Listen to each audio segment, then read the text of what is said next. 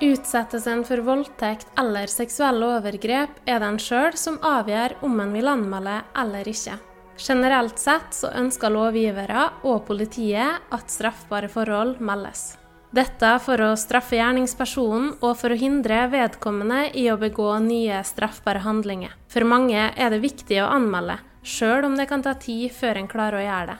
Ved å politianmelde opplever mange at ansvaret plasseres der det hører hjemme, nemlig hos overgriper.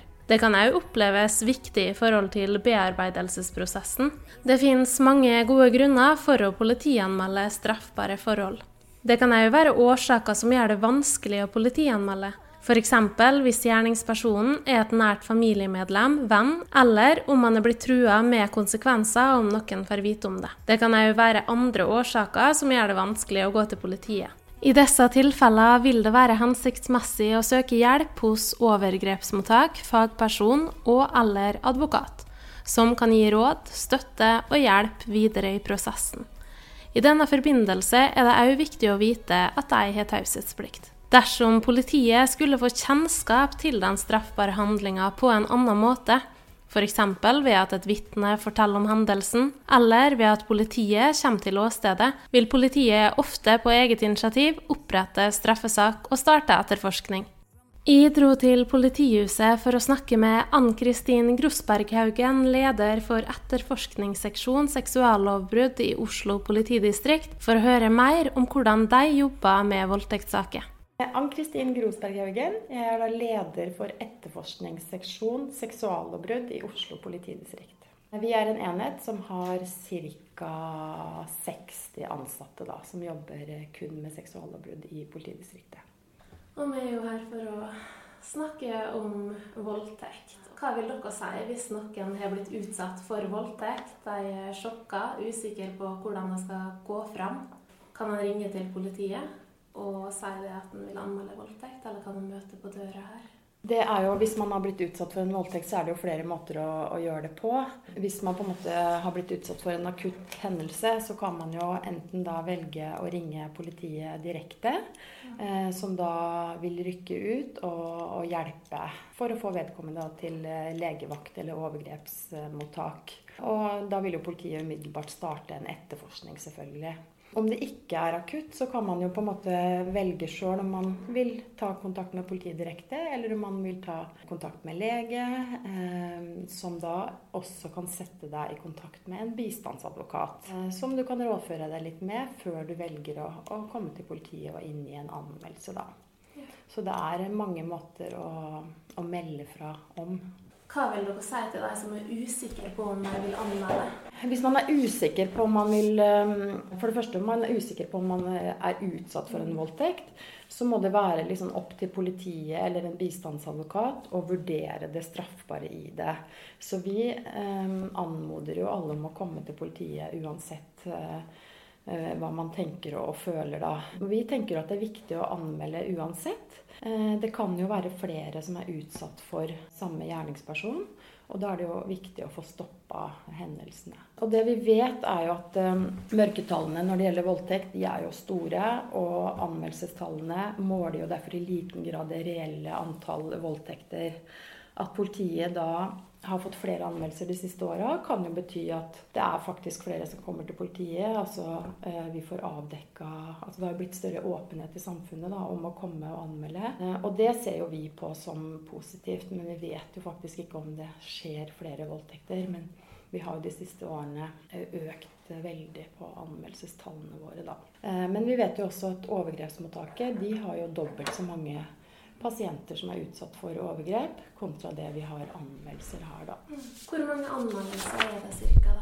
I Oslo politidistrikt så har vi ca. 300 voldtektsanmeldelser i året. Men når vi ser på hele seksuallovbruddkapitlet i straffeloven, så har vi eh, rundt 800-900 anmeldelser. Ser man på voldtektsanmeldelser i Norge, så har det de siste åra ligget på 1600-1700 anmeldelser.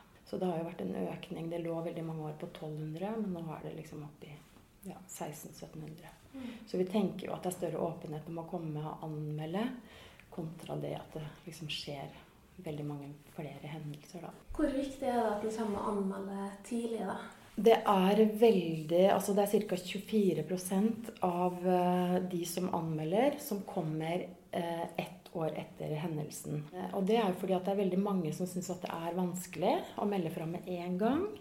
Kanskje er man traumatisert av det som har skjedd. Vi tenker at det er veldig viktig at man kommer så fort som mulig. Altså tidlig kontakt med overgrepsmottaket og andre som kan hjelpe, kan jo være avgjørende for å både få bearbeida det man er utsatt for og har vært gjennom, men også for at politiet da skal kunne sikre de nødvendige spor.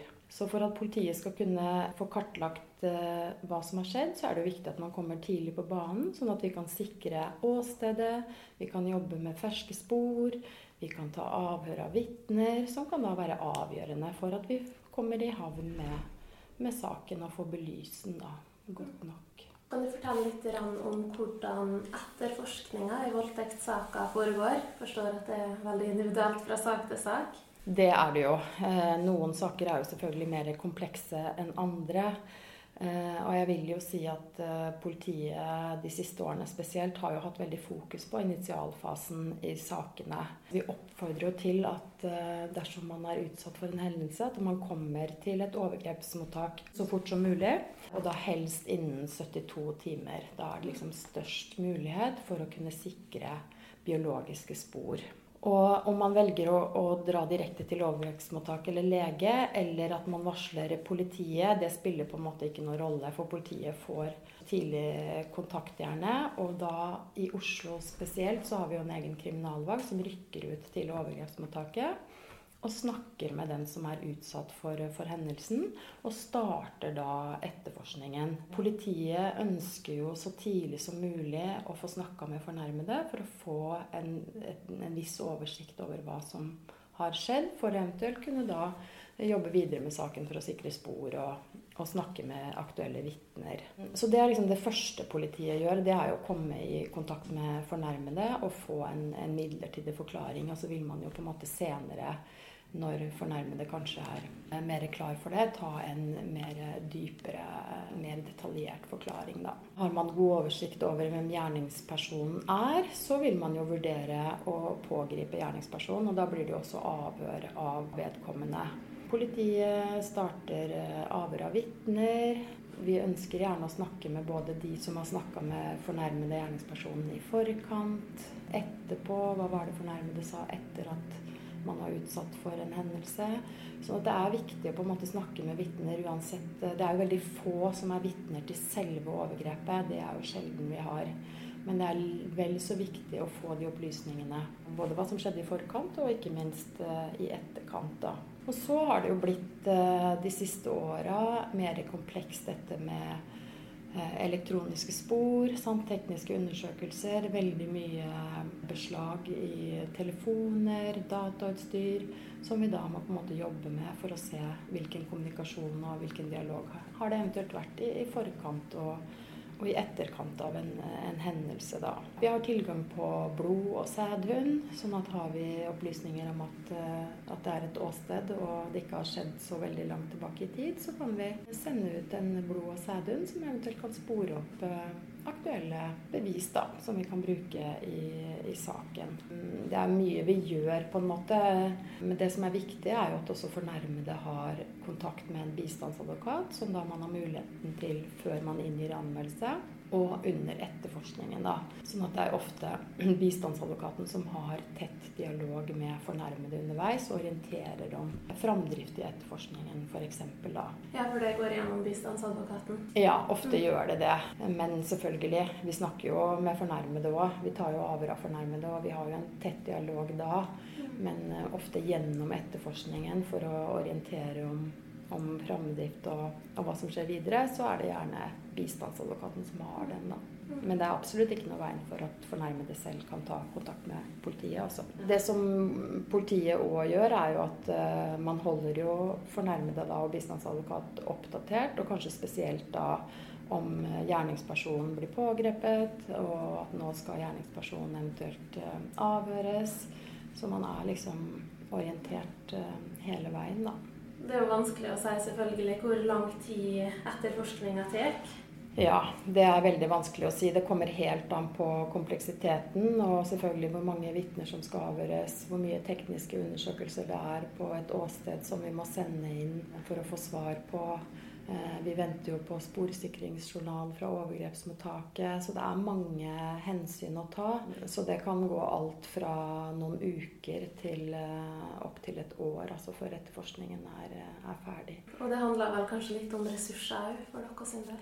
Mm, det er jo sånn at um, Riksadvokaten og Politidirektoratet har jo satt en, en frist i voldtektssaker på, på, 130 dager. Og den uh, har vi spesielt i Oslo Oslo ikke klart å overholde. Og det handler jo mye om det store antall saker vi har fått de siste årene. Vi har også fått uh, flere ressurser. Men vi ser at kompleksiteten i sakene gjør at vi ikke greier å holde den fristen, da. Vi har jo en sånn intern prioritering av saker. Og det går på altså i saker hvor det er varetekt de må jo prioriteres, for da må du gjerne gjøre en viss antall etterforskningsskritt før neste fengslingsperiode. Vi prioriterer saker hvor barn skal avhøres.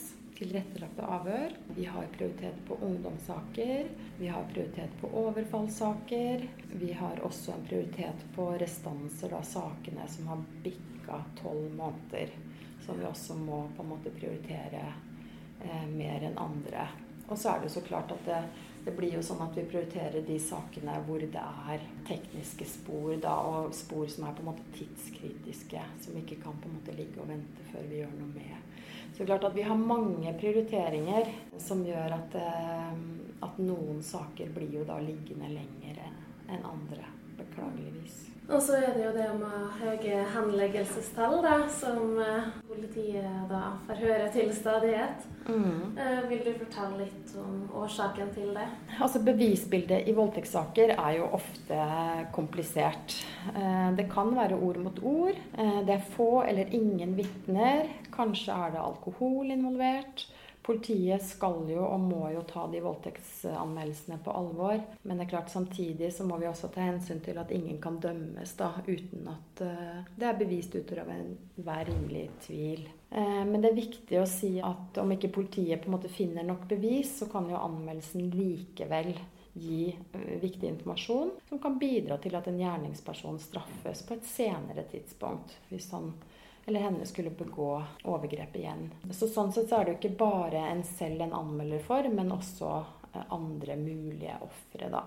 Og kravene til bevis de er jo sterke i voldtektssaker. Eh, politiet skal være overbevist utover enhver rimelig tvil for å sikte noen. Og man skal være overbevist om at bevisene holder da i en rettssak før man tar ut tiltale. Politiet oppfordrer jo og sier at det er viktig at man anmelder, fordi bevisene kan jo holde til tiltale om flere anmelder samme gjerningsperson. Flere kan være utsatt for samme gjerningsperson, og det tenker vi at det gir en motivasjon også. Om man ikke kommer i mål med din sak, så kan man på en måte eh, nå opp likevel, da. Så er det jo mange som tror det at politiet kanskje ja, det kan føle seg svikta, eller at politiet ikke tror deg hvis saken blir henlagt. Men det trenger jo ikke være tilfellet. Nei. Om politiet velger å henlegge, så er det ikke sånn at, eh, at vi ikke tror på fornærmede likevel. Eh, men det handler jo mer om at det er bevisene som, eh, som, ikke holder. Og dette har jo også politiet blitt veldig flinke til de siste åra. Å forklare nøye da for fornærmede og, og, bistandsadvokaten. Som jeg sa tidligere, så er det jo ofte ord mot ord. Det er sjelden det er vitner til hendelsen. Det kan jo ha skjedd frivillig. Det er vanskelig å finne spor hvis man eventuelt sier at de er neddopa, om man da umiddelbart ikke møter på overgrepsmottaket, slik at man får både tatt de prøvene, da. Det er ofte rus inne i bildet som gjør det vanskelig å huske hva som faktisk eh, har skjedd, da. Så det er mange saker som henlegges før de kommer eh, i retten. Og det er nok også kanskje grunnen til at mange vegrer seg da, for, å, for å anmelde. Det skal mye til for å dømme noen for en voldtekt. Usikkerhet i forklaringer kan jo på en måte være så vanskelig da, å bevise. Opplever dere at mange anmelder falske voldtekter? Når politiet mottar en anmeldelse for, eh, for, voldtekt, så legger jo vi til grunn at det som blir forklart, at det er sant. Vi iverksetter etterforskning i alle saker. Og hvis det er sånn at man under etterforskningen får fram opplysninger som viser at de faktiske funn ikke stemmer med forklaringen, så må vi jo etterforske det enda grundigere, da. Så det er jo veldig få saker som vi tenker er falske anmeldelser. Eh, men falske anmeldelser det kan jo være ødeleggende for de som faktisk blir utsatt for overgrep. Og vi i politiet vi ønsker å bruke ressursene på de sakene som faktisk er reelle. Det er jo ødeleggende hvis man anmelder falskt. Og da er det kanskje også noen som får bekrefta en fordom om at kvinner anmelder falsk for voldtekt. Da. De påstandene er jo også kommet. Og det tenker vi at det stemmer jo overhodet ikke. Det er jo nesten tvert imot, i og med at det er så få saker eh, hvert år. Men så vil jeg også si at eh, det er viktig at vi skiller mellom de som inngir en bevisst falsk anmeldelse, og de som er i juridisk villfarelse når det gjelder hva de faktisk er utsatt for. At man ikke på en måte kjenner til lovverket godt nok da, for, for, hva som kan ha skjedd. Eh, og det er jo ikke straffbart å huske feil eller, eh, eller endre forklaringen sin. Ehm, en person som forklarer seg om en voldtekt der politiet får mistanke om at deler av forklaringen er uriktig, får jo gjerne nye muligheter til å komme med forklaringen sin, da. Og så tenker vi at de som leverer en bevisst falsk anmeldelse, i hovedsak kanskje er sårbare personer med ulike belastninger i livet. Eh, og det igjen gjør jo eh, at det er veldig få av sakene som ender med tiltale. Politiet har nå fått støttesenter for kriminalitetsutsatte. Vil du fortelle litt om det tilbudet? Det er jo et tilbud man har nå i flere byer. Man kan jo lese mer om det på politiet.no. Men det er jo eh, et tilbud da hvis du er utsatt for kriminelle handlinger. Ikke bare overgrep, men også andre alvorlige hendelser som som vold eller andre krenkelser som personlig frihet. Da. Eh, så der kan man jo få hjelp og veiledning til å på en måte komme seg videre. Da. De kan hjelpe med informasjon og veiledning i forhold til det å skulle anmelde et forhold. De kan støtte deg videre når du først har inngitt en anmeldelse og på og under etterforskningen. De kan være vitnestøtte for deg hvis, du, hvis, saken din havner i retten. Eh, så kan de være til støtte under rettssaken, og etterpå, selvfølgelig. Og så kan man i tillegg få hjelp til å søke voldsoffererstatning, da. Så, men mer informasjon om det finner man jo på politiet.no. og Den er som kjent i mange byer og har jo et eh, fast telefonnummer som vel er 840 008.